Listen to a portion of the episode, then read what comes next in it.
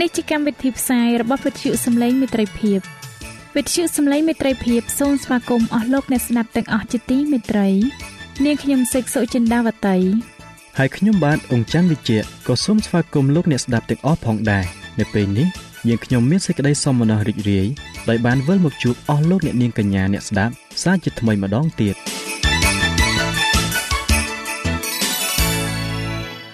នាងខ្ញុំសេកសុចិន្តាវតី សូមជម្រាបជូនកម្មវិធីផ្សាយដែលមានជាបន្តបន្ទាប់ដូចតទៅនេតិជប់ជាមួយព្រះបន្ទូលនេតិបទទំនាយនិងប្រវត្តិសាស្ត្រចា៎លោកអ្នកស្ដាប់ជាទីមេត្រី នាងខ្ញុំសូមគោរពអញ្ជើញអស់លោកលោកស្រី អ្នកនាងកញ្ញាតាមដានស្ដាប់កម្មវិធីផ្សាយរបស់វិទ្យុយើងខ្ញុំដូចតទៅ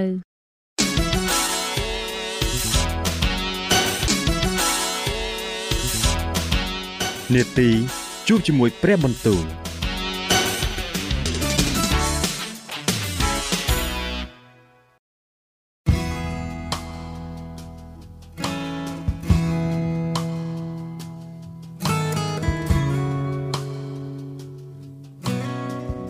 ចាអស់លោកអ្នកស្ដាប់ជាទីមេត្រី ជាដំបូងនាងខ្ញុំសូមអញ្ជើញលោកអ្នកនាងស្ដាប់នេតិជួបជាមួយព្រះបន្ទូលនេតិនេះនឹងលើកយកព្រះបន្ទូល ពីព្រះគម្ពីរយោបដែលនឹងជម្រាបជូនដល់លោកអង្ចាន់វិជ្ជៈដូចតទៅ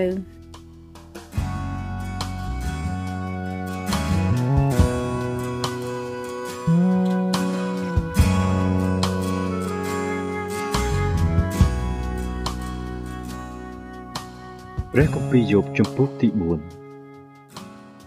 អេលីផាជាសាសធីម៉ានគាត់ឆ្លើយតបថាបើសិនជាយើងសោកឆ្លើយនឹងអ្នក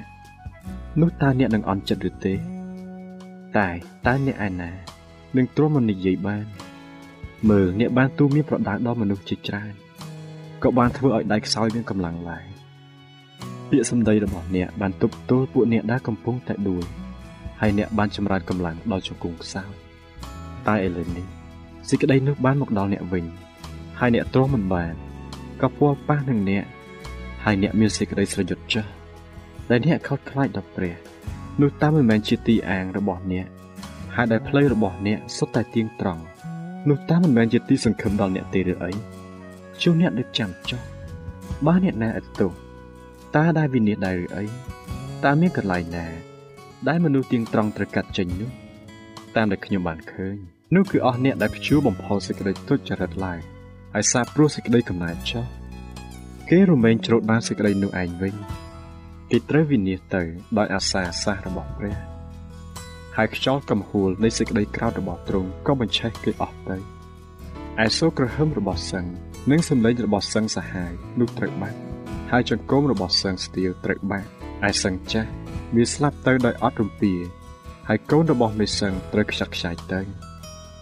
រីឯមានសេចក្តីមួយបានលឺមកដល់ខ្ញុំដោយសម្ងាត់ត្រជាខ្ញុំបានទទួលពាក្យខ្សឹបពីដំណើរនោះ នៅវេលាដែលការជាក់ស្ដែងកំពុងតែបណ្ដាលឲ្យគំនិតកម្រើកឡើងនៅពេលយប់ក្នុងកាលដែលមនុស្សកំពុងដេកលក់សុខនោះសេចក្តីភ័យខ្លាចហើយញ័ររន្ធត់បានកើតដល់ខ្ញុំក៏ធ្វើឲ្យអស់ទាំងឆ្អឹងរញ្ជួយផងរួចមានវិញ្ញាណមួយកាត់មុនខ្ញុំទៅខ្ញុំក៏ព្រឿរោមឡើងវិញ្ញាណនោះក៏ឈប់នឹងនៅ តែខ្ញុំរកសម្គាល់ថា ជាមានរូបភាពយ៉ាងណាមិនបាន មានតែភាពជារូបនៅមុខខ្ញុំប៉ុណ្ណោះខ្ញុំក៏លើសំឡេងសាយសាយពោលមកថា មនុស្សដែលតែងតែស្លាប់តើនឹងបានសុចរិតនៅចំពោះព្រះឬតើនឹងបានបរិសុទ្ធនៅចំពោះព្រះដែលបានមកកើតខ្លួនមកឬអីមើលទ្រង់មិនទុកចិត្តនឹងពួកបរិវារទ្រង់ទេឯពួកទេវតាទ្រង់នោះក៏ប្រកាន់ថា មានសេចក្តីអួតអាងដែរចំណងបាមនុស្សដែលនៅក្នុងភីជ្ជៈដី ដែលមានកំណើតមកពីធូលីដី ហើយដែលត្រូវឆ្លីទៅដូចជាដង្កូវនោះតើជាយ៉ាងណាទៅ ពីព្រឹកដល់ល្ងាចវាត្រូវបំផ្លាញទៅវាសូន្យទៅអស់កលឥតមានអ្នកណាសង្កេតឡើយខ្សែជ្រែងរបស់គេត្រូវដាច់ចេញហើយគេក៏ស្លាប់ទៅឥតទាន់បានប្រញាប់ផងព្រះគម្ពីរយោបជំពូកទី5ចូលអំពាវនាវឥឡូវចុះតើមានអ្នកណានឹងឆ្លើយមកទេទេតើអ្នកនឹងបាយទៅរកទូបរិសុទ្ធណាទៀតគឺជាសេចក្តីមួម៉ៅ ដែលប្រហារមនុស្សឥតបកិតហើយសេចក្តីច្រណែនក៏សម្លាប់មនុស្សឆោតខ្លាំងខ្ញុំមិនឃើញមនុស្សឥតបកិតចាក់ឬចោះតែខ្ញុំបានប្រតិចផ្ដាសាដល់ទីលំនៅគេភ្លីកូនចៅគេនៅឆ្ងាយពីសេចក្តីសង្គ្រោះវាត្រីជន់ឈ្លីនៅត្រង់ទ្វារក្រុងឥតមានអ្នកណានឹងជួយឡើយឯផលចម្រុះរបស់គេនោះពួកអត់ឃ្លានស៊ីអស់រលីងទៅពួកនោះច្រូតយកទាល់តែដល់គុំបន្លាផងហើយមនុស្សទាល់ក្រ លេបទ្រព្យសម្បត្តិគេទៅបើសេចក្តីទុក្ខលំបាកមិនកើតពីទលីទេហើយសេចក្តីវេទនាក៏មិនដោះចេញពីដីដែរមនុស្សកើតមកតែមានសេចក្តីវេទនាដូចជាផ្កាភ្លើងចេះតែហៅទៅលើដែរបើជាខ្លួនខ្ញុំវិញខ្ញុំនឹងស្វែងរកព្រះខ្ញុំនឹងស្នើប្រគល់ឬខ្ញុំដល់ព្រះដែលទ្រង់ធ្វើការយ៉ាងធំរកគិតមិនយល់ជាការយ៉ាងអស្ចារ្យឥតគណនាទ្រង់មកអស់ភ្លៀងមកលើផែនដីហើយឲ្យទឹកហូរមកក្នុងស្រែ ដើម្បីនឹងលើកមនុស្សទៀតថោកដាក់នៅលើទីខ្ពស់វិញហើយឲ្យមនុស្សដែលក្រំក្នុងចិត្តបានដំកើងឡើងដល់ទីសុខទ្រង់ធ្វើឲ្យថ្លោះឧបាយរបស់មនុស្សឆ្លាតមិនឲ្យដៃគេសម្រេចការដែលគេផ្ដើមធ្វើនោះឡើយទ្រង់ចាប់មនុស្សឆ្លៀវឆ្លាតដោយឧបាយរបស់ខ្លួនគេហើយក៏បង្ខូចដំបូលមានកោងរបស់មនុស្សវាងវៃអ្នកទាំងនោះប្រទះនឹងសេចក្តីគំនិតនៅវេលាថ្ងៃហើយគេដើរស្ទាបស្ទាបនៅពេលថ្ងៃត្រង់ដូចជានៅពេលយប់ តែទ្រង់ជួយឲ្យរួចពីដានៃមាត់គេ គឺជាមនុស្សកំសត់ទុរគតឲ្យរួចពីកណ្ដាប់ដៃនៃមនុស្សខ្លាំងពូកែយ៉ាងនោះមនុស្សក្រខ្សត់មានទីសង្ឃឹមហើយសេចក្តីទុច្ចរិតត្រូវបិទមាត់ទៅមើលសបាយហើយអ្នកណាដែលព្រះទ្រង់បានកែឡាដូច្នេះកុំឲ្យមើលងាយសេចក្តីផ្ចាញ់ផ្ចាស់របស់ព្រះដ៏មានប្រជាស្ដាបំផុតឡើយបិទទ្រង់ធ្វើឲ្យមានរបួសរួចក៏រំអាវទ្រង់វាកំតិច ហើយព្រះហស្ថទ្រង់ក៏មើលឲ្យជាឡើងវិញទ្រង់នឹងប្រោះឲ្យអ្នករួចពីសេចក្តីវេទនា6អាដល់គម្រប់7ផងនោះសេចក្តីអាក្រក់នឹងមិនមកប៉ះពាល់អ្នកឡើយនៅគ្រាអំណត់ទ្រង់នឹងលួចអ្នកឲ្យរួចពីសេចក្តីស្លាប់ហើយនៅគ្រាសឹកសង្គ្រាមឲ្យរួចពីអំណាចដាវផងអ្នកនឹងបានលាក់កំបាំងពីរំពាត់នៃអណ្ដាតគេ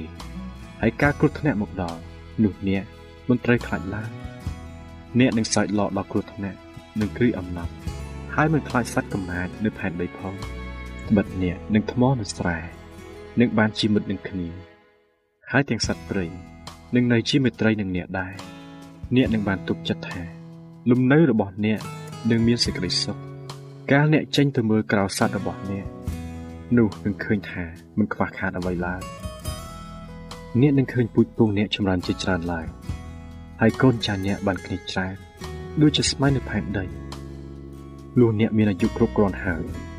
ទើបនឹងដល់មរណភាពទៅឧបមាដូចជាកណ្ដាប់ស្រូវដែលគេយកចូលមកត្រូវរដូវកាលនេះហើយជាសេចក្តីដែលយើងបានស្ទុះមើលឲ្យដឹងហើយក៏ឃើញយ៉ាងនោះពិតមែនដូច្នេះជួនអ្នកស្ដាប់យកចោលហើយទទួលសម្រាប់ជាប្រយោជន៍ដល់ខ្លួនផងព្រះគម្ពីរយោបជំពូកទី6 នោះយោបលោកឆ្លើយឡើងថាអោបើសេចក្តីមួម៉ៅរបស់ខ្ញុំបានថ្លឹងមើលដោយដាក់នៅចិញ្ចីជាមួយនឹងសេចក្តីទុក្ខលំបាករបស់ខ្ញុំទៅដែរនោះនឹងបានធ្ងន់ជាងខ្សាច់សមុទ្រទៅទៀតគឺហេតុនោះបានជាពាក្យខ្ញុំ បានជ្រុះហួសទៅពីព្រោះព្រួញរបស់ព្រះដ៏មានគ្រប់ប្រជាស្ដារនៅជាប់ក្នុងខ្លួនខ្ញុំ វិញ្ញាណខ្ញុំក៏អកផឹកថ្នាំពឹសនៃព្រួញទាំងនោះទៅ អស់ទាំងសេចក្តីស្ញែងខ្លាចរបស់ព្រះ បានរំរៀបគ្នាទោនឹងខ្ញុំហើយ បើលាព្រៃមានស្មៅស៊ីតើវាស្រែកដែរឬតើកូរ៉ូកំពុងតែស៊ីចំបើងឬឯរបស់ដែលគ្មានរសជាតិតើនឹងបរិភោគឥតអំបិលបានឬទេតើសរបស់ពងមានរសឬទេសេចក្តីដែលចិត្តខ្ញុំមិនព្រមប៉ះពាល់នោះទុកដូចជាអាហារដែលគួរឆ្អែមដល់ខ្ញុំអើបើសិនជាខ្ញុំ នឹងបានដោយសេចក្តីសំណងហើយព្រះនឹងប្រោះប្រទានឲ្យខ្ញុំបាន តាមបំណងចិត្តទៅឯងគឺឲ្យព្រះបានសពព្រះハរតីនឹងកាន់កំទេចខ្ញុំទៅ ហើយគ្រវីព្រះហស្ថទ្រង់ឲ្យខ្ញុំត្រូវកាត់ដាច់ចេញយ៉ាងនោះខ្ញុំនឹងនៅមានសេចក្តីរំដោះទុក្ខខ្ញុំនឹងមានសេចក្តីរីករាយក្នុងសេចក្តីជឿចាប់នេះ ដែលមិនចេះប្រណីសោះពីព្រោះខ្ញុំមិនបានលាក់ទុកព្រះបន្ទូលនៃព្រះដ៏បរិសុទ្ធឡើយ តើកម្លាំងខ្ញុំជាអ្វីដែលខ្ញុំនឹងនៅចាំទៀតតើចុងបំផុតខ្ញុំជាយ៉ាងណា បានជាត្រូវឲ្យខ្ញុំទ្រាំអត់តើកម្លាំងខ្ញុំ ជាកម្លាំងនៃថ្មឬអីឯសាច់ខ្ញុំតតើជាលង្ហិនដែរឬនេះតើមិនមែនដោយព្រោះគ្មានទីពឹងក្នុងខ្លួនខ្ញុំទេឬហើយប្រាជ្ញាក៏បានត្រូវបណ្ដេញឆ្ងាយពីខ្ញុំដែរឬឯអ្នកណាដែលកំពុងតែរងទុក្ខវេទនា នោះគួរឲ្យមុតសម្លាញ់ខ្លួនសម្ដែងសេចក្តីអាណិតអាសូរដែរទោះបីជាអ្នកដែលលែងកោតខ្លាចដល់ពេលដ៏មានគ្រប់ប្រជាស្ដារក៏ដោយឯបងប្អូនខ្ញុំវិញគេបានប្រព្រឹត្តដោយចិត្តវាចដូចជាជ្រុះទឹកក៏ដូចជាបាតនៃជ្រុះទឹកដែលបាត់អស់ទៅជាទឹកដែលមើលទៅខ្មៅខ្មៅដោយព្រោះកកហើយក៏មានហេមៀនៃកប់ក្នុងនោះដែរលុះមានពេលក្តៅក៏រលីកទៅរួចដល់រដូវក្តៅ ទឹកនោះរីងបាត់ពីកន្លែងអស់រលីងពួកដំណើរដែលដើរតាមផ្លូវនោះក៏បែកចេញ គេកោបបាត់ទៅក្នុងទីរហោស្ថានហើយត្រូវវិនិច្ឆ័យទៅពួកដំណើរសាសធេម៉ាន គេដើរមករកពួកសាសសិបាក៏ទន្ទឹងចាំគេមានសេចក្តីខ្មាស់ដោយព្រោះបានទុកចិត្តគេបានទៅដល់ទីនោះតែត្រូវទាល់មកគិតគឺអ្នករកគ្នាយ៉ាងនោះឯងអ្នករកគ្នាឃើញសេចក្តីវេទនារបស់ខ្ញុំហើយក៏ស្លុតក្នុងចិត្តតែខ្ញុំបានថា សូមមេត្តាឲ្យអ្វីមកខ្ញុំឬថាសូមយកទោសសម្បត្តិខ្លះរបស់អ្នកថ្វាយជាដង្វាយឲ្យខ្ញុំផងឬអីតើបានថាសូមជួយឲ្យខ្ញុំរួចពីកណ្ដាប់ដៃនៃពួកសត្រូវឬថាសូមលួចខ្ញុំពីកណ្ដាប់ដៃនៃអ្នកដែលសង្កត់សង្កិនឬអីសូមបង្រៀនខ្ញុំចោះ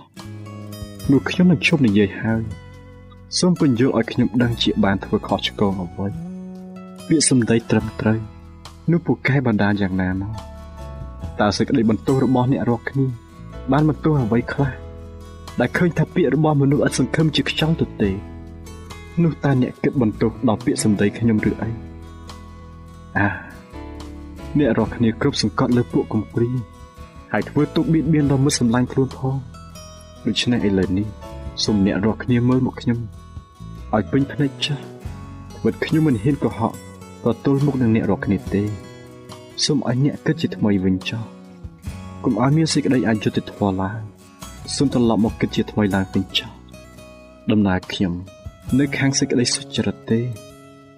តើមានសេចក្តីទុច្ចរិតណា នៅអណ្ដាតខ្ញុំឬតែខ្ញុំមិនចេះភ្លក់នឹងសេចក្តីខូចកាចទេឬអី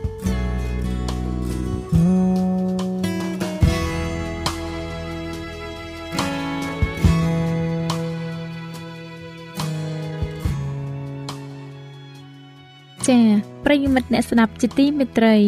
ដោយពេលវេលាមានកំណត់ យើងខ្ញុំសូមផ្អាកនេតិជប់ជាមួយព្រឹបបន្ទូលនេះត្រឹមតែប៉ុណ្ណេះសិនចុះដោយសន្យាថានឹងលើកយកនីតិនេះមកជម្រាបជូនជាបន្តទៀតនៅថ្ងៃច័ន្ទសប្តាហ៍ក្រោយ សូមអរគុណ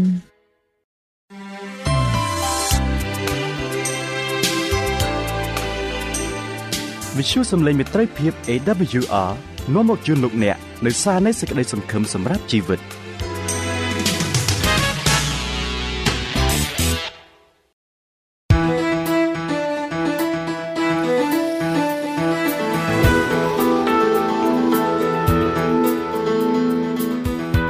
សូមជូននីតិបទទំនាយនិងប្រវត្តិសាស្ត្រ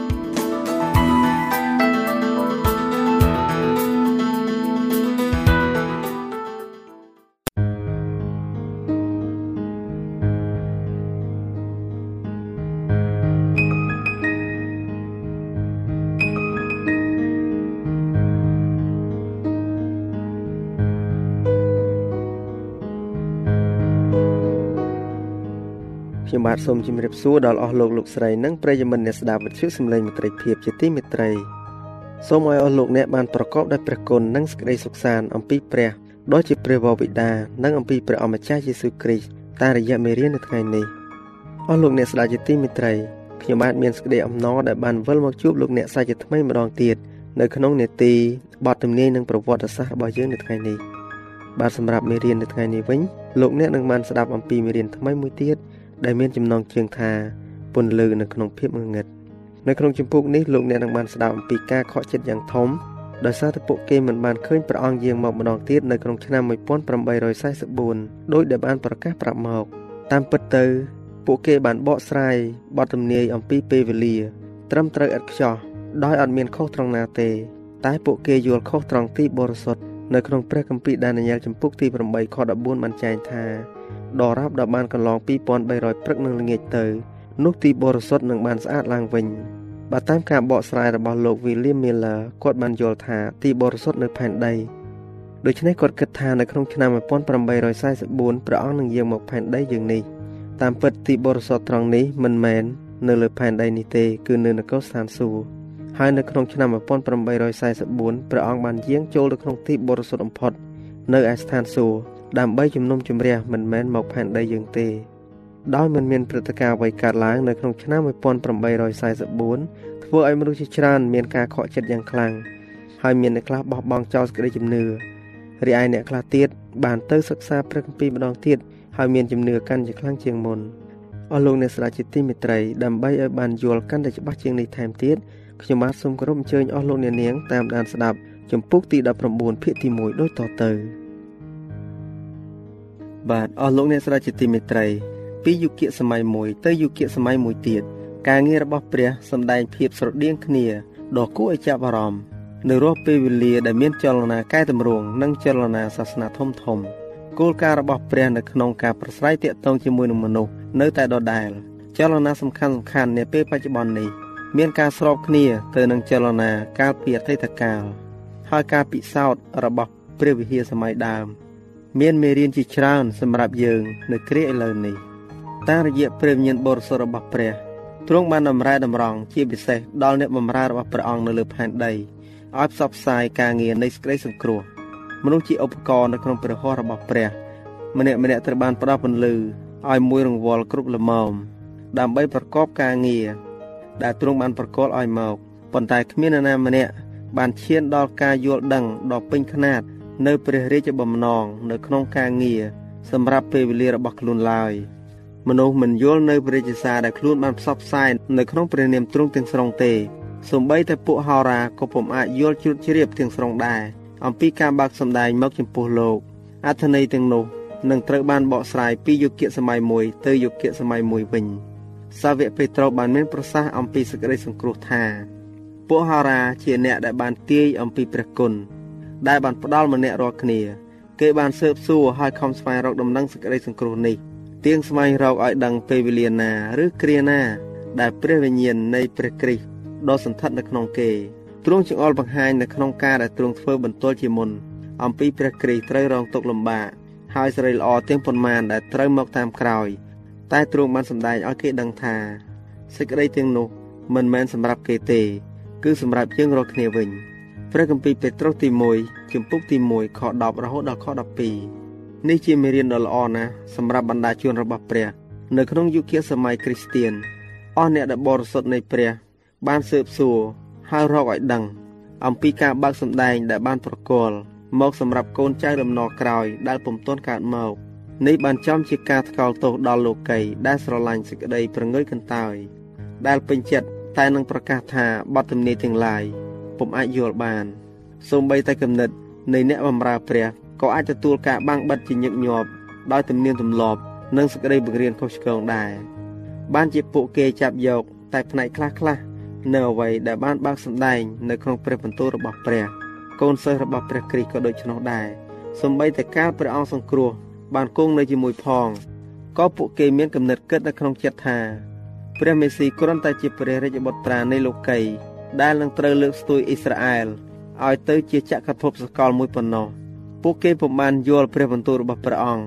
ដែលទោះទាយប្រាប់ជាមុនអំពីសេចក្តីរងទុក្ខនិងជីវង្គលរបស់ទ្រង់ឡើយ។អស់លោកអ្នកស្ដេចជាទីមេត្រីជាបន្តទៀតសូមអស់លោកអ្នកស្ដាប់អំពីពេលវេលាមួយត្រូវបានសម្រេចព្រះគ្រីស្ទទ្រង់បានបញ្ជូនព្រះរាជសារដល់គេជាមុនថាពេលវេលាបានស្រេចហើយនគរព្រះចិត្តមកដល់ហើយនគរព្រះចិត្តមកដល់ដូច្នេះចូលកែប្រែចិត្តហើយជឿដំណឹងល្អចុះ ព្រះគម្ពីរម៉ាកុសចំពុកទី1ខ15ព្រះរាជសារនោះបានតាំងនៅក្នុងបទទំនាយនៃព្រះគម្ពីរដានីយ៉ែលចំពុកទី9កំឡុងពេល66អាទិត្យលាតសន្ធឹងទៅដល់ព្រះមេស៊ីដ៏ជាព្រះរាជបុត្រាហើយពួកសិស្សបានទន្ទឹងរង់ចាំនៅការស្ថាបនានគររបស់ព្រះមេស៊ីនៅទីក្រុងយេរូសាឡឹមដើម្បីគ្រប់គ្រងនៅលើផែនដីទាំងមូលពួកគេបានផ្សព្វផ្សាយព្រះរាជសារដែលផ្ទុកផ្ដាក់ដល់ខ្លួនទោះបីពួកគេពុំបានយល់សពគ្រប់ក៏ដោយ នៅពេលដែលសេចក្តីប្រកាសរបស់ពួកគេត្រូវបានរកឃើញនៅក្នុងព្រះគម្ពីរដានីយ៉ែលចំពុកទី9ខ25ពួកគេពុំបានមើលទៅខបន្ទាប់ដែលថាព្រះមេស៊ីនឹងត្រូវផ្ដាច់ចេញវិញនោះទេចិត្តរបស់ពួកគេបានផ្ដោតទៅលើសេរីរុងរឿងនៃអាណាចក្រនៅផែនដី តែប៉ុណ្ណោះដែលជាហេតុធ្វើឲ្យបាំងការយល់ដឹងរបស់ខ្លួន នៅពេលដែលពួកគេសង្ឃឹមថានឹងបានឃើញព្រះអម្ចាស់របស់ខ្លួនឡើងទៅកាន់បល្ល័ង្កនៃលួងដាវីត ស្រាប់តែមានគេចាប់ទ្រង់វាយដំចំអកឲ្យហើយផ្ដន់ទាទ្រង់នៅលើឈើឆ្កាងតើសេចក្តីអស់សង្ឃឹមនិងសេចក្តីតង្កឹះចិត្តបានរំដំចិត្តពួកសិស្សដល់ប៉ុណ្ណាទៅព្រះគ្រីស្ទបានយាងមកចំពេលដែលបានទាយទុកមកបទកម្ពីត្រូវបានសម្រេចគ្រប់សេចក្តីព្រះបន្ទូលនិងព្រះវិញ្ញាណនៃព្រះបានបញ្ជាក់យ៉ាងច្បាស់នៅបេសកកម្មដ៏ពិសិដ្ឋរបស់ព្រះរាជបុត្រារបស់ព្រះអង្គចិត្តគំនិតរបស់ពួកសិស្សនៅតែពោពេញទៅដោយការសង្ស័យ ពួកគេបានសង្ស័យថាប្រសិនបើព្រះយេស៊ូវជាព្រះមេស៊ីពិតមែននោះតើពួកគេនឹងត្រូវធ្លាក់ទៅក្នុងសេចក្តីទុក្ខសោកនិងសេចក្តីខកចិត្តយ៉ាងដូចនេះឬនេះជាសំណួរដែលពួកគេចោទសួរដកដានជាខ្លាំងដល់ប្រលឹងរបស់គេ នៅក្នុងកំឡុងពេលអស់សង្ឃឹមនៃថ្ងៃបរិសុទ្ធចន្លោះពេលព្រះអង្គសុគតនិងពេលព្រះអង្គមានប្រជញ្ញរស់ឡើងវិញ តែព្រះអង្គមិនចោលពួកគេទេព្រះអង្គបានមានបន្ទូលថាកាលណាខ្ញុំអង្គុយនៅក្នុងទីងងឹតនោះព្រះយេហូវ៉ា នឹងជាពន្លឺដល់ខ្ញុំទ្រង់នឹងនាំខ្ញុំចេញមកឯពន្លឺរួចខ្ញុំនឹងរំពឹងមើលសេចក្តីសុចរិតរបស់ទ្រង់មានពន្លឺភ្លឺឡើងនៅក្នុងទីងងឹតសម្រាប់មនុស្សទៀងត្រង់ឯនឹងធ្វើឲ្យសេចក្តីងងឹតបានភ្លឺឡើងនៅមុខគេ ហើយផ្លូវកងែកងក់ឲ្យទៅជាត្រង់វិញ គឺអស់ទាំងការនេះដែលអាចនឹងធ្វើ ហើយមិនចេះបោះបង់ចោលគេឡើយព្រះគម្ពីរមីកាចំពុកទី7ខ8និងខ9 ព្រះគម្ពីរទំនុកដង្កើងចំពុកទី112ខ4ព្រះគម្ពីរអេសាយចំពុក42ខ16ការប្រកាសផ្សាយដល់ពួកសិស្សគឺត្រឹមត្រូវណាស់ថា ពេលវេលាបានសម្រេចហើយនគរព្រះចិត្តមកដល់នៅពេលដែលពេលវេលាបានកន្លងផុតទៅ គឺកំឡុងពេល69អាទិត្យនៃព្រះគម្ពីរដានីយ៉ែលចំពុកទី9ត្រូវបានលាតសន្ធឹងដល់ព្រះមេស៊ីជាអ្នកដែលចាក់ប្រេងតាំង ព្រះគ្រីស្ទបានទទួលចាក់ប្រេងតាំងដោយព្រះវិញ្ញាណបរិសុទ្ធបន្ទាប់ពីទ្រង់ទទួលបុណ្យជ្រមុជទឹកដោយលោកយូហានមកនគរព្រះពុំមែនជាអាណាចក្រនៅផែនដីដោយគេបានបង្ហាត់បង្រៀនពួកគេនោះទេក៏ពុំមែនជានគរដ៏ស្ថិតស្ថេរអស់កលជានិច្ចនៅពេលអនាគតកាលដែលគ្រប់ទាំងអំណាចគ្រប់គ្រងនឹងត្រូវបានគោរពដល់ទ្រង់ហើយស្ដាប់បង្គាប់ផងនោះឡើយព្រះគម្ពីរដានីយ៉ែលចំពុកទី7ខ27 ការដែលហៅថានគរព្រះ នោះមានន័យថា ជានគរនៃព្រះគុណនិងនគរនៃសេរីល្អសាវកពលបានមានប្រសាសន៍ថាដូច្នេះត្រូវឲ្យយើងរាល់គ្នា មកដល់បល្ល័ង្កនៃព្រះគុណដោយក្លាហាន ដើម្បីនឹងទទួលសេចក្តីមេត្តាហើយរកបានព្រះគុណចុះព្រះគម្ពីរហេព្រើរចំពុកទី4ខ16មានបលាំងបញ្ជាក់ថាមាននគរព្រះគ្រីស្ទទ្រង់ប្រើពាក្យនគរនៃស្ថានសួគ៌ដើម្បីសម្គាល់កិច្ចការនៃព្រះគុណនៅលើចិត្តមនុស្ស ដូច្នេះបលាំងនៃសេរីល្អតំណាងឲ្យនគរនៃសេរីល្អព្រះគម្ពីរម៉ាថាយចំពុកទី25ខ31និង32នគរនេះនៅក្នុងអនាគតកាលនៅឡើយពុំទាន់តាំងឡើងទេ រហូតទាល់តែព្រះគ្រីស្ទយាងមកជាលើកទី2ទើបនគរនោះបានតាំងឡើងយ៉ាងពិតប្រាកដនៅពេលដែលព្រះអង្គសង្គ្រោះបានប្រកបព្រះជន្មទ្រង់ដោយស្រែកថា ការស្រេចហើយសេចក្តីសន្យានៃសេចក្តីសង្គ្រោះចំពោះគូស្វាមីភរិយាមានបាបនៅក្នុងសួនច្បារអេដែនក៏បានសម្រេចដែរ គឺលោកអាដាមនិងនាងអេវ៉ានគរនៃព្រះគុណដែលបានតាំងពីមុនដោយសេចក្តីសន្យានៃព្រះនោះគឺបានស្ថាបនាឡើងនៅពេលនោះឯងដូច្នេះជីវង្គតនៃព្រះគ្រីស្ទគឺជាព្រឹត្តិការណ៍ដែលពួកសិស្សចាត់ទុកថា ជាការវិនិច្ឆ័យបងនៅសេចក្តីសង្ឃឹមរបស់ខ្លួនជារៀងរហូត ជាសេចក្តីសុគតដែលសម្រេចយ៉ាងជាក់ស្ដែងនៅសេចក្តីសន្យារបស់ទ្រង់ការដែលបាននាំមកនៅការខកចិត្តដ៏ខុសខើគឺជាស្ដែងបង្ហាញឲ្យឃើញថាពួកគេបានជឿដូច្នោះមែន ព្រឹត្តិការណ៍ដែលបានអំពេញពួកគេ ដោយការអស់សង្ឃឹមបានបើកទ្វារនៃសេចក្តីសង្ឃឹមដល់អស់អ្នកស្មោះត្រង់ចំពោះព្រះ នៅគ្រប់ចំនួនវិញលាយជាមួយនឹងមាសសុទ្ធនៃសេចក្តីស្រឡាញ់របស់ពួកសិស្សដល់ព្រះយេស៊ូវគឺជាព្រះលង្ហិននៃមហិច្ឆតាផ្ទាល់ខ្លួន ទស្សនៈរបស់គេបានពោពេញទៅដោយបលាំងមកុដនិងសេរីរុងរឿងការមានចិត្តធំការស្រេកឃ្លាននៅសេរីរុងរឿងនាលោកីបាននាំឲ្យពួកគេរំលងហួស ដោយមិនដឹងខ្លួននៅព្រះបន្ទូលព្រះអង្គសង្គ្រោះដែលសម្ដែងប្រាប់អំពីភាពពិតនៃនគររបស់ព្រះអង្គហើយដែលសម្ដៅទៅរកជីវង្គតរបស់ទ្រង់ផង ការខុសឆ្គងនេះបណ្ដាលឲ្យមានគ្រាទាំងគឺចិត្តប្រយោជន៍ឲ្យពួកគេមានឱកាសកែប្រែឡើងព្រោះគេនឹងត្រូវទទួលបន្ទុកនៅដំណឹងល្អដ៏រុងរឿងនៃព្រះអម្ចាស់របស់គេ ដែលបានមានប្រជញ្ញរស់ឡើងវិញ ដើម្បីរៀបចំពួកគេ សម្រាប់ការងារនេះ ពួកគេត្រូវបណ្ដាលឲ្យជួបប្រទះនៅការពិសោធន៍ដែលហាក់ដូចជាជូរចត់ក្រៃលែងបន្ទាប់ពីព្រះយេស៊ូវមានប្រជញ្ញរស់ឡើងវិញព្រះអង្គបានលេចមកឯពួកសិស្សនៅតាមផ្លូវទៅទីក្រុងអេម៉ូសហើយក៏ស្រែកនៃសេចក្តីដែលតម្រូវដល់ទ្រង់ពីក្នុងព្រះគម្ពីរទាំងឡាយឲ្យគេស្ដាប់បំណងព្រះハរតីទ្រង់គឺដើម្បីឲ្យគេជឿដល់បទទំនាយដ៏ពិតព្រះគម្ពីរលូកាជំពូកទី24ខ27ព្រះគម្ពីរពេត្រុសទី2ជំពូក1ខ19 មិនគ្រាន់តែដោយសារទីបន្ទាល់ផ្ទាល់របស់ព្រះអង្គប៉ុណ្ណោះទេ គឺដោយសារបទទំនាយនៅក្នុងព្រះគម្ពីរសញ្ញាចាស់ផងដែរនៅជំហានដំបូងបង្អស់ក្នុងការចែកចំណេះនេះព្រះយេស៊ូវបានតម្រង់ពួកសិស្សទៅឯគម្ពីរលោកម៉ូសេនិងគម្ពីរពួកហោរ៉ារៀងមកក្នុងព្រះគម្ពីរសញ្ញាចាស់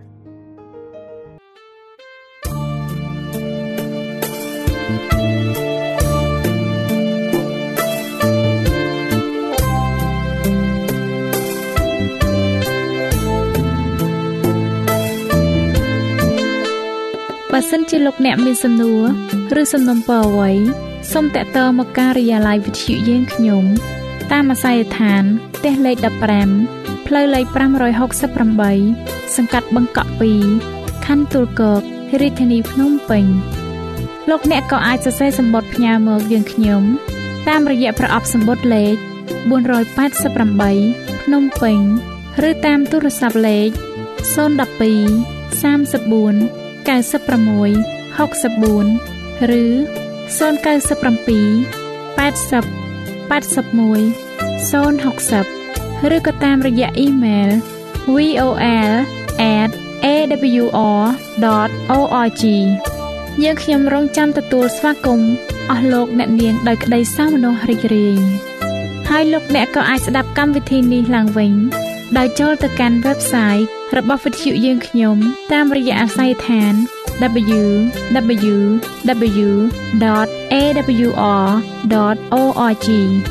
លោកអ្នកនាងកញ្ញាជាទីមេត្រី កម្មវិធីផ្សាយរបស់វិទ្យុសំឡេងមេត្រីភាពនៅពេលនេះសូមបញ្ចប់តែប៉ុណ្ណេះយើងខ្ញុំសូមអរគុណចំពោះការតាមដានស្ដាប់របស់អស់លោកអ្នកតាំងពីដើមរហូតដល់ចប់យើងខ្ញុំសូមជូនពរឲ្យអស់លោកអ្នកនាងកញ្ញាទាំងអស់ បានចម្រើនឡើងក្នុងព្រះគុណព្រះអង្គម្ចាស់ហើយក្នុងការទទួលយកព្រះយេស៊ូវគ្រីស្ទជាព្រះអង្គម្ចាស់និងជាព្រះអង្គសង្គ្រោះនៃយើងរាល់គ្នានាទីផ្សាយរបស់វិទ្យុយើងខ្ញុំនឹងវិលមកជួបអស់លោកអ្នកសាជាថ្មីម្ដងទៀតនៅថ្ងៃស្អែកវេលាម៉ោងដដែលនាងខ្ញុំសេកសុចិន្តាវតីនិងខ្ញុំបាទអ៊ំច័ន្ទវិជ្ជៈសូមអរគុណសូមជម្រាបលា